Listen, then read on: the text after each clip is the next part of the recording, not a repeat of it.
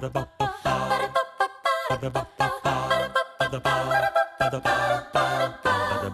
האוניברסיטה המשודרת, בשיתוף מיזם וויז, מציגה המדען העירום. מיטב החוקרים בישראל בשיחה עם בן שני, אחד על אחד מול קהל.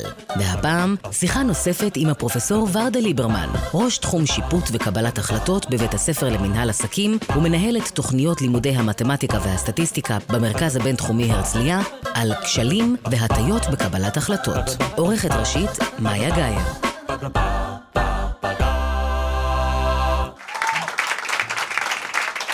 ערב טוב לכם, אנחנו ממשיכים הערב לעסוק בקבלת החלטות ועושים זאת בעזרת האורחת שלנו הפרופסור ורדה ליברמן מומחית לכלכלה התנהגותית מהמרכז הבינתחומי בהרצליה. במפגש הקודם איתך עסקנו הרבה במשא ומתן, דיברנו על הטיות וטעויות שאנחנו מרבים לעשות במשא ומתן ובקבלת החלטות בכלל והצעת לנו דרכים להימנע מטעויות כאלה. בחלק הזה של המפגש איתך אני רוצה שנעסוק בסוג אחר של קבלת החלטות החלטות שכרוכות בסיכון. אני רוצה שנתח את היחס העמוק שלנו להפסד, או מה שאנחנו מפרשים כהפסד. במילים אחרות, אם אנחנו יותר שונאים להפסיד מאשר אוהבים להרוויח. בהמשך נבחן כיצד התכונות האלה שלנו משפיעות לפעמים באופן דרמטי על קבלת ההחלטות שלנו, ונשאל אם הן גם גורמות לנו לפעמים לפעול בצורה לא רציונלית. כאמור הפרופסור ורדה ליברמן היא האורחת שלנו במדען העירום, אני בן שני ולכל המפגשים איתך ועם החוקרים האחרים שמתארחים כאן מול קהל אפשר להאזין באפליקציה של גל"צ או בפודקאסט שלנו, חפשו את המדען העירום. פרופסור ורדה ליברמן, אני רוצה רגע שנתרחק מכלכלה ולספר לך משהו על האופן שבו אני מקבל החלטות, אוקיי? לא נשמע טוב. לא נשמע טוב, אבל אתן לך דוגמה. כן. נגיד שיש לי איזושהי פגישה בנושא של פרויקט שנורא נורא מעניין אותי ואני חושב על זה שאני אמור לפגוש מישהו ואני אמור להציג בפניו את הפרויקט אולי להרשים אותו ולשכנע אותו שהדבר הזה יקרה או, או להשתכנע וזה מתקיים בבית קפה. ובדרך לבית קפה אני פתאום פוגש מישהו שהוא בול מתחבר לפרויקט הזה ולא ראיתי אותו שנים. ואומר לעצמי הנה סימן ראשון לזה שבחרתי נכון ואחר כך אני נכנס לקפה ואני רואה שם עוד איזה מישהו שיושב שבדיוק מתחבר לפרויקט הזה ואני אומר הנה בינגו הלכנו היום הזה הולך לי קלף את יודעת להסביר את התופעה הזאת?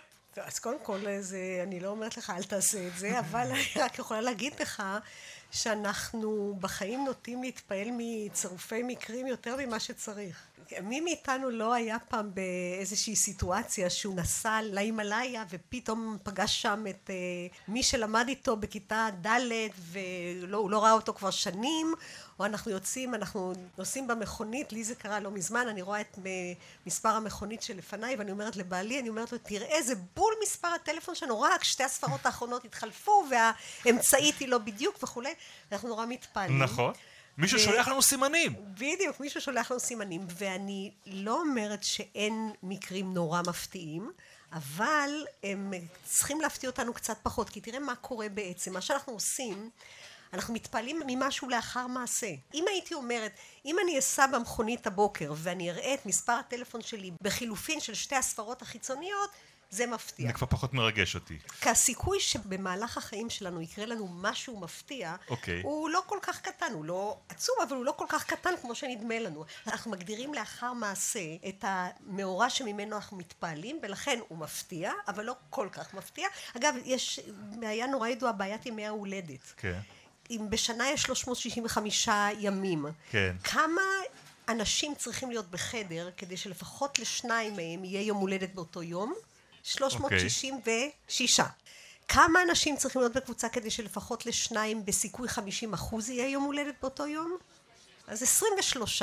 תיקח קבוצות של 23 אנשים, הסיכוי שלשניים יהיה, לפחות לשניים יהיה יום הולדת באותו יום, לא כל כך בלתי סביר. אני רוצה שנעשה ניסיון. בוא נעשה. אני 21 בדצמבר. אה. יש פה מישהו? לא. ואת? והנה, והנה אני אסביר לך מה קרה, וזה בדיוק... לא, אבל את, התאריך שלך, אנחנו שניים. אה, ראשון לפברואר. ראשון לפברואר. יש! ראשון לפברואר יש. במקרה, במקרה, אבל אני רוצה להסביר לך למה... מה שהיה צריך להוכיח, הדוגמה, כן. לא, לא, הדוגמה שלך לא טובה, לא טובה. אם היינו אומרים, מה הסיכוי שלאיזה שהם שניים יש יום הולדת באותו יום בלי להגדיר את יום ההולדת? אבל ברגע שהגדרנו תאריך זה כבר לא אותו דבר, זה כבר די נדיר, זה שיש פה מישהו בראשון לפברואר זה, זה לא אמור היה להיות. את אומרת שבכלל בתוך כן, הקבוצה הזאת יהיו... כן, שבתוך הקבוצה הזאת לשניים יהיה יום הולדת כלשהו באותו יום. אין לנו זמן לעשות את הבדיקה הזאת, יש לנו הרבה קהל כאן, אבל כבר הצלחנו יפה, אבל כן. את יודעת לענות לי על איזה צורך זה עונה? צירופי המקרים. צירופי המקרים האלה? אנחנו אוהבים להסביר לעצמנו, אנחנו אוהבים לקחת, לתת לעצמנו סימנים. הייתה תקופה, לא, לא אזכיר מי, בן משפחה שלי שהיה אומר לי, תקשיבי, אני רוצה להפסיק לחלום, כי כל פעם שאני חולם, בבוקר אני קם וזה קורה. עכשיו תחשבו כמה חלומות אנחנו חולמים ביום, וכמה אנשים, והסיכוי שמשהו מזה יתגשם הוא די סביר. וזה לא מתגשם בדיוק, ואף אחד לא מתרגש מזה, כי אם מישהו חלם שמישהו ימות והוא רק uh, נפגע בתאונת דרכים, זה גם מספיק לנו כדי להגיד החלום שלנו עבד. כשקורים כל כך הרבה מאורעות, אז אין סיבה שלא נרגיש פתאום שמשהו קרה כשאנחנו אה, חשבנו עליו או חלמנו עליו.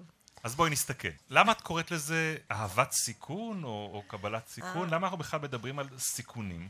אז פה יש לנו שלושה מושגים ששווה לדבר עליהם. יש אהבת סיכון, יש אה, שנאת סיכון ויש שנאת הפסד.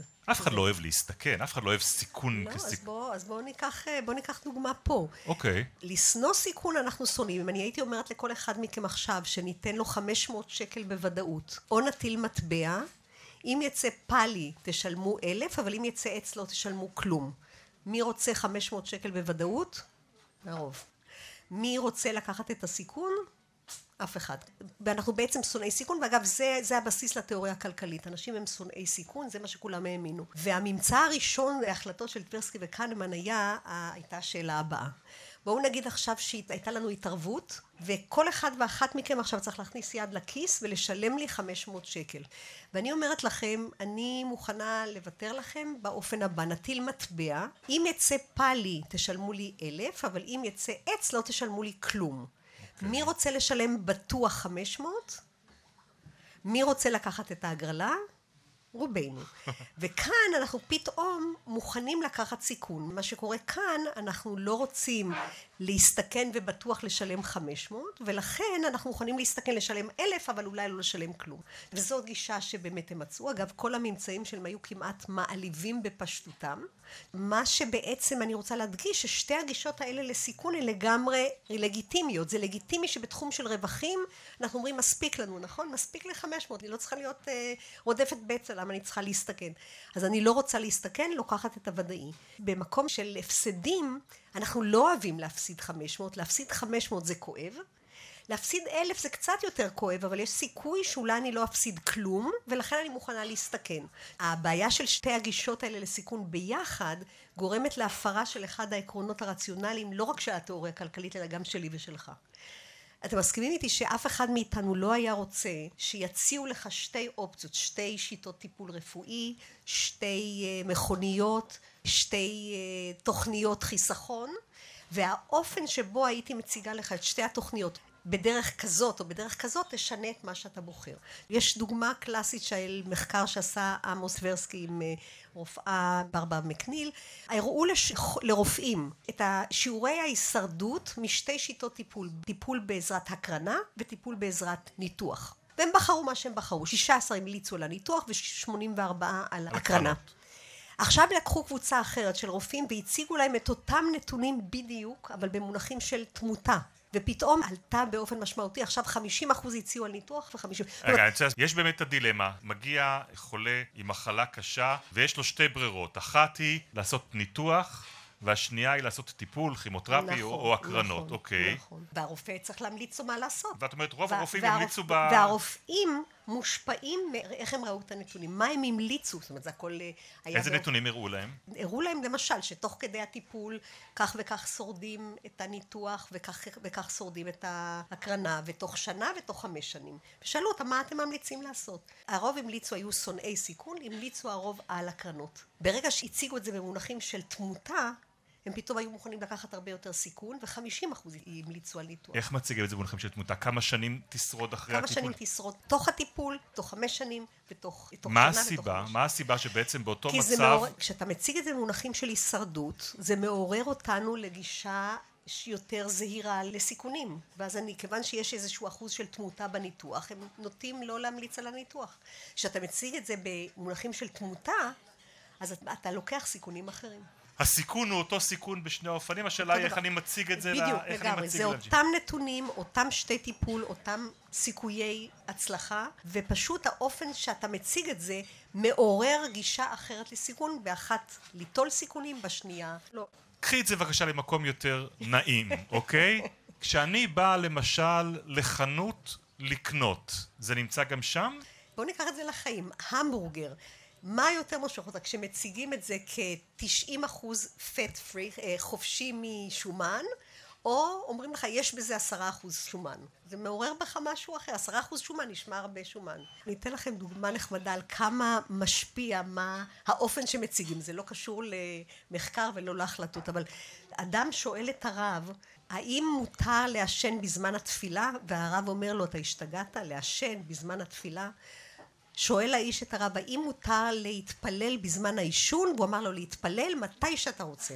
זה האופן שבו אתה מציג דברים, בלי קשר אפילו ל, לא לסיכונים ולא לכלום, משפיעה על מה קורה, ולכן נורא חשוב לה... להתחשב באיך אנחנו מציגים נתונים. רוב האנשים פה יסכימו, לא יודע אם רוב האנשים פה, אבל רוב האנשים ברחוב, יסכימו לשלם עשרה שקלים תמורת העובדה שלעולם לא יהיה להם עשרה מיליארד בלוטו, נכון? או, זה כן. נכון? ואת הכסף הזה הם ישרפו, אבל לעומת זאת אם יציעו להם אה, עשרה שקלים על, אה, על חמישים אחוז להרוויח אה, עשרים שקל באיזושהי הגרלה או משהו כזה אנשים לא ייקחו את ה... אתה טוב, אתה לוקח יש אותנו... יש נוסחה? אז קודם כל לא, לא, אין נוסחה, ואתה לוקח אותנו כרגע. יש הבדל בהתנהגות האנושית, אם אנחנו מדברים על הסתברויות בינוניות, כמו שדיברנו עד עכשיו, לרווח והפסד, או על הסתברויות מאוד קטנות לרווח או להפסד. דיברנו על שנאת סיכון ושנאת הפסד, ועל זה שהשילוב של השניים מביא להפרות של רציונליות, רציונליות אפילו שלנו כבני אדם. זה בעצם גורם לנו להתנהג באופן שלא היינו רוצים להתנהג בו. אבל התכונה הכי חשובה זה התכונה של שנאת הפסד. משקיע צריך להחליט האם להשקיע בסטארט-אפ או לא. יש סיכוי וסיכון. סיכוי להצליח, סיכון להפסיד. וכך הלאה, עורך דין שצריך להחליט אם לקחת את התיק ולא, וכולנו בחיים. אז בעצם ברוב המקרים אנחנו מסתכלים על בעיות שיש בהן גם סיכוי להרוויח וגם סיכון להפסיד. ומתברר שהיחס שלנו לרווחים והפסדים הוא שונה. בואו נעשה רגע תרגיל קטן. נניח שאני מציעה לכם עכשיו את ההימור הבא. נטיל מטבע, אם יצא פאלי, אני לא יודעת אם פאלי זה כבר לא, אבל תשלמו אלף שקל, ואם יצא עץ, תפסידו אלף שקל, אוקיי? סיכוי שווה להרוויח אלף או להפסיד אלף. מי מוכן להימור הזה? אין יד אחת אין יד אחת. איפה? אה, יש אחד. יד אחת. כן. מה בעצם, למה אנחנו לא מסכימים? נכון, אנחנו רוצים שישלמו לנו יותר כדי שנסכים לקחת את הסיכון. כמה יותר? כמה אתה רוצה יותר? מתי תסכים להיכנס להימור הזה? של להפסיד אלף או כן. להרוויח בעץ או פאלי? כן. תשמעי, אם זה יהיה מאה אלף... פוש, בן, אתה ממש נזהר מסיכונים. זהיר, זהיר. זהיר אוקיי? מאוד. עיגנתי אותך, כן, על מאה אלף. עכשיו אתה תתחיל לדבר איתי על... אה, למדת משהו, למדת כן. משהו. לא, אז רוב האנשים רוצים שזה יהיה בערך פי שתיים, שתיים וחצי. כלומר, אנשים אומרים שאם זה יהיה אלפיים להרוויח, או אלף להפסיד, אנחנו כבר מוכנים לחשוב על זה. היחס שלנו להפסדים ולרווחים הוא לא סימטרי. הפסדים כואבים לנו הרבה הרבה יותר מההנאה שיש לנו מלהרוויח את אותו סכום. זאת אומרת, אנחנו יותר מונעים מזה שאנחנו שונאים את ההפסדים, נכון. מאשר מהחלום שלנו על הרווחים. נכון מאוד, אנחנו בדיוק, אנחנו באמת רוצים לא להפסיד. זאת אומרת, אנחנו עושים הרבה כדי להימנע מהפסד, וזה מוביל להמון המון בעיות, למשל כל נושא של עלויות שקועות, נכון? סאן קוסט, כולם מכירים. אנשים נכנסים לאיזשהו פרויקט, והפרויקט יכול להיות כל דבר, זה יכול להיות, הלכנו להצגה, ישבנו בהצגה, הצגה לא טובה, ועכשיו אם היא לא טובה, למה להישאר בה? אבל אם אנחנו נצא ממנה אנחנו בהפסד, ואת זה אנחנו לא אוהבים, אנחנו נשאר. אז עכשיו יש לנו הפסד כפול, אנחנו גם שילמנו, ועכשיו גם סובלים מההצגה, כי אחרת... וכן אנחנו, ונדבר על פרויקטים, על דברים רציניים. אנשים נכנסים לפרויקט, הפרויקט נמצא בהפסד, ועכשיו אני צריכה לקבל החלטה אם להמשיך או לא. לחתוך את הסיכונים, to cut your losses. ואנשים okay. אוקיי. קשה להם מאוד לעשות את זה, כי הם מנסים להחזיר לעצמם את ההפסדים. ובאמת לכן כתוצאה מזה לוקחים סיכונים לא סבירים. איך זה מתיישב עם מה שאמרת לנו במפגש הקודם על זה שרובנו בטוחים יותר בעצמנו ויותר אופטימיים, זה לא סותר גם את העניין הזה? אה, לא, שם זה לא היה, אתה לא, לא הפסדת כלום, אתה איבדת ביטחון בזה שאתה הולך, זה היה לפני ההפסדים. לפני ההפסדים. מלכת לזה, ועכשיו אתה אומר, אתה או מפסיד או מרוויח, ואתה לא אוהב את ההפסד. אבל אם אנחנו מדברים על נושא הזה של בחירות בין שתי אופציות שהזכרת קודם, אני מכיר מחקר שלך מאוד מעניין באופן הזה שבעצם כשמציעים לנו בחירה בין שני מוצרים, מה זה עושה לנו כצרכנים? בעצם בחיים, נכון, אחת האינטואיציות הן כצרכנים זה שיציגו לנו כמה שיותר אפשרויות. אנחנו רוצים שיהיה לנו כמה שיותר כי אז זה נותן לנו חופש בחירה. אז קודם כל יודעים היום שזה לא כך. בפועל מתברר שהרבה אפשרויות זה לפעמים יכול להיות הרסני. והשאלה עכשיו לכן, קודם כל כמה אפשרויות נכון, ואיזה. תחשבו על מצב שבו אתם הולכים לסופרמרקט, יש לכם בזה שוב ניסוי שעשו בסטנפורד, אתם הולכים לסופרמרקט, יש חמש ריבות שאתם צריכים לבחור ביניהן, ואתם בוחרים מה שאתם בוחרים, ואתם הולכים ויש שם 25 ריבות, מאותה חברה, הכל אותו דבר, אבל 25 מהן. איפה אתם תקנו יותר? בחמש, כן, בארבע, חמש. תקנו יותר. נניח שקניתם גם פה וגם פה, איפה תהיו מרוצים יותר? בארבע. למה? מפני זה ברור. כי בארבע, אם לא קניתם את הריבה הנכונה, או שמוצאת חן בכם, אז מה לעשות? לא היה מבחר. ב-25 כשלא קניתם את הנכונה, את מי אתם מאשימים? אני האידיוט שבחרתי את זו ולא את זו. אז בעצם החרטה הרבה יותר גדולה בהרבה וכולי. ולכן בעצם השאלה אם האופציות מעוררות קונפליקט או מעודדות לרכוש. אז באיזה ניסוי שעשיתי למשל בפרטנר עם אה, טלפונים, רצינו לדעת כמה ומה להציג ללקוחות. ביקשתי מהם לתת שני מכשירים שהם די דומים, אבל שונים, דומים מבחינת מה שהם נותנים ללקוח. כשהראינו אחד בלבד, שיעור הרכישה היה כ-24 אחוז, כשהראינו את השני זה היה כ-22 אחוז, כשהראינו את שני המכשירים, בין שניהם קנו 11 אחוז, זאת אומרת קנו 11 אחוז בזה או זה. עוד פעם, כשאני נכנס לחנות ואני רואה לצורך העניין לא נדבר במותגים, אוקיי? אני רואה את אוקיי. הטלפון הזה ואת הטלפון נכון. השני ויש לי... והם, דומים. ואני צריך להחליט והם אומרים לי, זה, זה אותו דבר, אתה יכול לבחור את זה או אתה יכול לבחור את זה. נכון, ולכן אתה מתלבט ויוצא בלי כלום. לא קונה שום דבר. אתה רואה ש-11% כן קנו, אבל היו מספיק שהתלבטו כתוצאה מזה. זאת הייתי נכנס לחנות ואומרים לי, הייתי אומר, אני נכון. מחפש טלפון נכון. בערך, אני יודע, ב-2,000 שקל, והיו מראים לי את הדבר האחד, סיכוי יותר גבוה שהייתי קונה אותו מאשר היו מציגים לי שתי אפשרויות. אתה יודע, דוגמה אחרת, נתנו לרופאים, אמרו לרופאים, סיפרו להם על חולה שסובל מאיזה שהם כאבים באגן, ולחלק מהרופאים אמרו, אתם יכולים לתת לו תרופה מסוימת או כלום. 53 אחוז החליטו לא לתת לו כלום, התלבטו ואמרו נחכה נראה. הראו להם שתי תרופות ששתיהן יכולות לעזור וכל אחת יש יתרונות וחסרונות, אמרו להם איזה מהתרופות תיתנו לו או כלום, 73 אחוז החליטו לא לתת כלום. קודם הם נתנו לו תרופה ובגלל שאמרו לו אתה יכול לתת לו או זה או זה, או זה, או זה אני לא יודע להחליט, לזו יש יתרונות, לזו יש חס... יתרונות, חסרונות, חסרונות, בוא נדחה נחכה, אולי זה יעבור.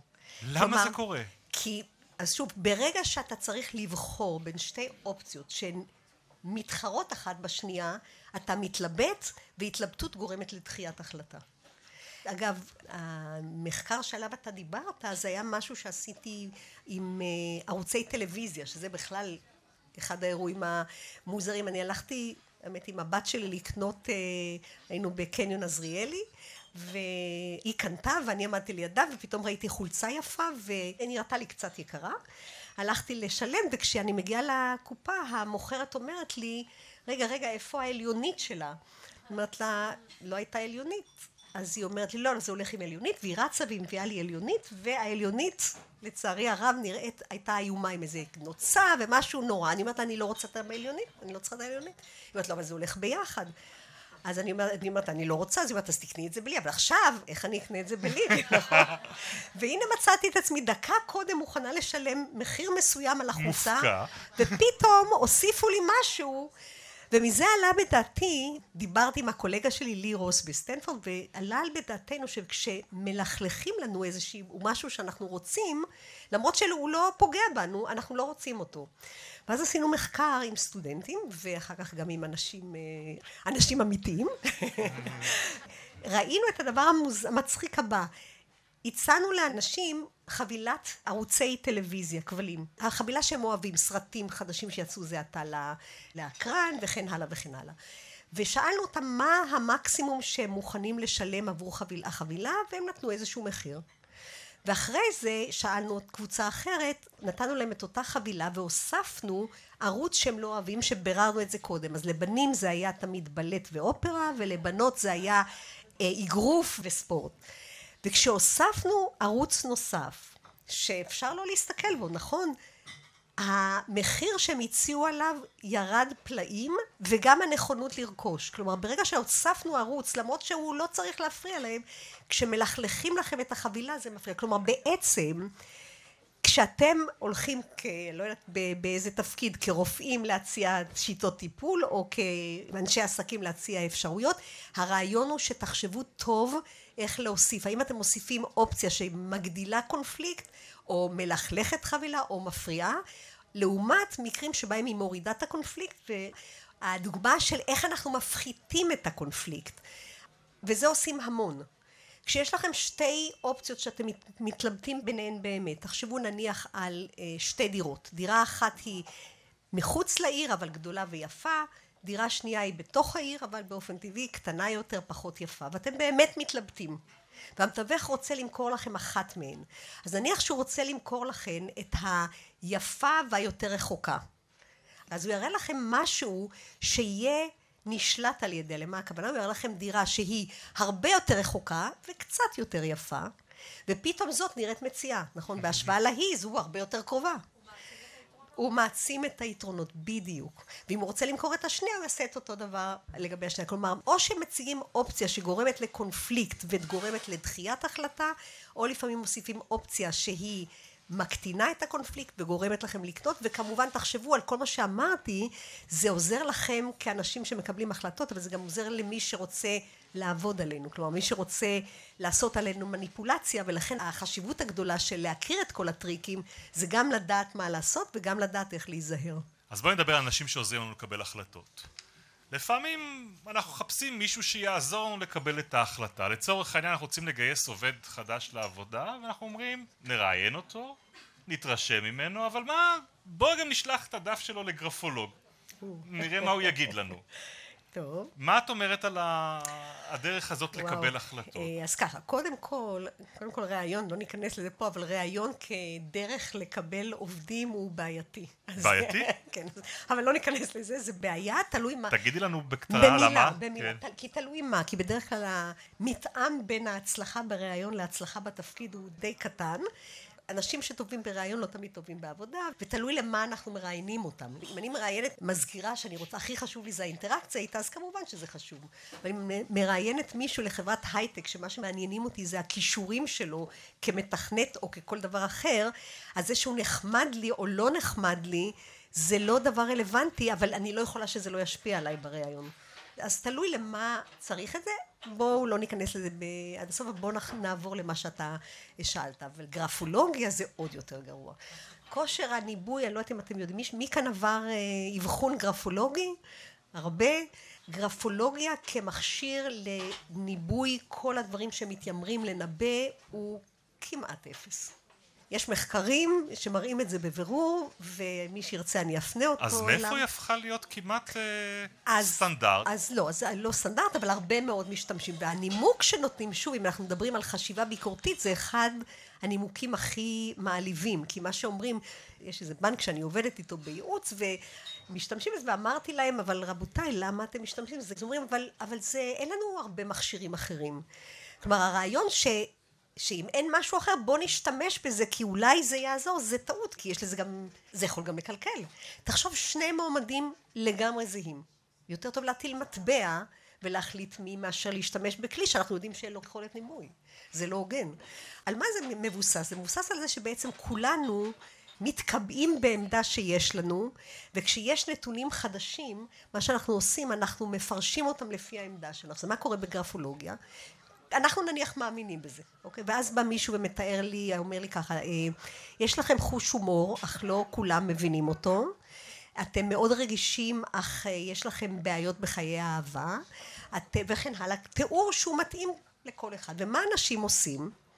הם בודקים באיזה מידה זה מתיישב עם מה שאני חושבת, וזה מתאים לי, לא מאה אחוז, זה מתאים לי, ומה אנחנו, שאנחנו לא שואלים, באיזו מידה זה מתאים לי ולא לך. כדי שזה יהיה בעל כושר ניבוי, זה צריך לאפיין אותי. אבל אם זה מתאים לי ולך ולא ולכולם, אז אין בזה שום יכולת. ואת זה אנחנו מפספסים. אנחנו בודקים רק עד כמה זה מתאים למה אנחנו מאמינים, ולא באיזו מידה זה מתאים לכל אחד. אז באיזו מידה זה באמת מאפיין אותי. אני בטוח שיש איזה שהם מחקרים על העניין הזה, אבל מעניין אותי לדעת אם יש לך נתונים לבוא ולהגיד, אנשים שהם מצליחנים בחיים, שעושים את זה טוב, שמחליטים פעם אחר פעם החלטות טובות, מה התכונה שמאפיינת אותם, או מה סט הדברים שהם יודעים לעשות נכון מעבר לעובדה שהם יודעים להחליט נכון? אני לא חושבת שיש כאלה, אז... אין כאלה? מישהו שתמיד מחליט נכון. אז יש מחליטים יותר טוב שהם מצליחנים, שהם מצליחים יותר בחיים. אז תשמע, א', יש הרבה מזל. אוקיי. וצירופי מקרים. ממך בסוף נשמע מזל, כן, וצירופי מקרים, אוקיי. להפך, אני... לא, מזל זה... אז מזל אני ממש חושבת... תראה, כשתשובה כמעט היה על הקרשים. ופתאום גילה את הגז, כולם אמרו יש לו יד זהב, נכון? כן. יד הזהב של תשובה, משהו נוגע מצליח, לא, במקרה גילו, לא היו מגלים את הנפט, זה לא יכול. אז ודאי שיש מזל בחיים. העניין הזה של אנשים שמקבלים החלטות תמיד נכון, אני לא חושבת שיש, יש אנשים שבמקרה באמת תמיד מצליחים, אולי. והבעיה היא, זה לא שהם תמיד מצליחים, אתה שומע על ההצלחות, נכון? אף אחד לא מספר לך על הכישלונות, אנחנו שומעים על כל ההצלחות. פרופסור ורדה ליברמן, לפני סיום, אני רוצה לשאול אותך, סבב קצר של שאלות, התשובה עליהן צריכה להיות קצרה מאוד, במילה או במשפט, אוקיי? ננסה. בתור בן אדם שמתמחה בקבלת החלטות, כשזה מגיע ליומיום שלך, את יודעת להחליט בקלות? אה, לא. מתלבטת הרבה. דווקא בגלל זה. אז מה הדבר שאת מתלבטת לגביו הכי הרבה בחיים? וואו. איך לאזן בין עבודה והנאה. כן, עבודה, לא. עבודה ומשפחה. כמי שמבלה את זמנה, את כל זמנה, בבחינה של הטעויות שבני אדם עושים, מה ההטייה הכי בולטת שאת רואה אצלנו ביום-יום? אה, ביטחון יתר. ביטחון יתר. לגמרי. אוקיי. מבין כל האנשים שחקרת, עורכי דין, רופאים, טייסים, מי אלה שאנחנו הכי צריכים לחשוש מההטיות שמשפיעות על האופן שבו הם מקבלים החלטות? לא מהאופן, אלא מהתוצ... בגלל התוצאה, זה רופאים ועורכי דין, בגלל התוצאה. מה הטיפ הכי טוב שאת יכולה לתת לנו כדי לקבל החלטה בצורה מוצלחת וחכמה יותר? אה, להיות ספקנים, לשאול שאלות, ממש כמו שאמרתי, להיות אה, זהיר ושמרן בתכנון ונועז בביצוע, זה, זו ההמלצה הכי, הכי חשובה בעיניי. פרופסור ורדה ליברמן, תודה רבה רבה לך על המפגשים האלה. תודה גם לכם, הקהל כאן בתל אביב. את המדען העירום עורכת מאיה גייר, על ההפקה והתחקיר שקד הילה שובל, הביצוע הטכני הערב בידיים של בני יהודאי ויאיר בשן. תודה רבה לעמותת וויז, השותפים שלנו במדען העירום. אני בן שני ועד הפעם הבאה, לילה טוב.